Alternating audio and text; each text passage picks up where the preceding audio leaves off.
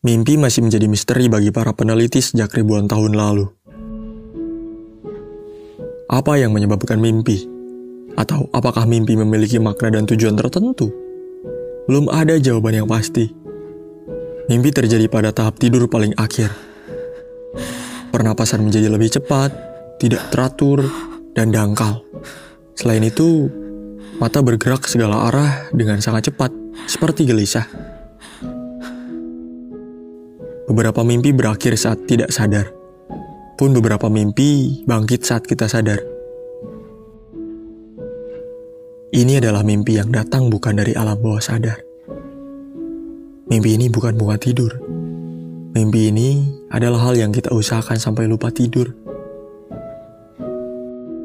Sebentar, sebentar. Kalian punya mimpi kan? Apa mimpinya?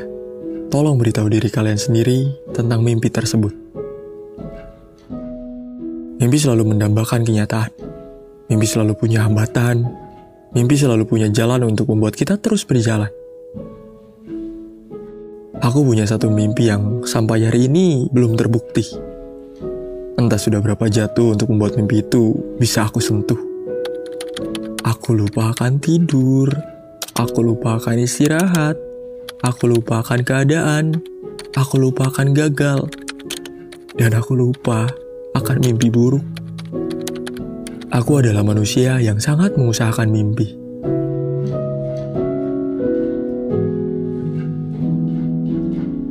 Suatu hari, aku merasa mimpiku terwujud. Aku merasa hidup ini berhasil.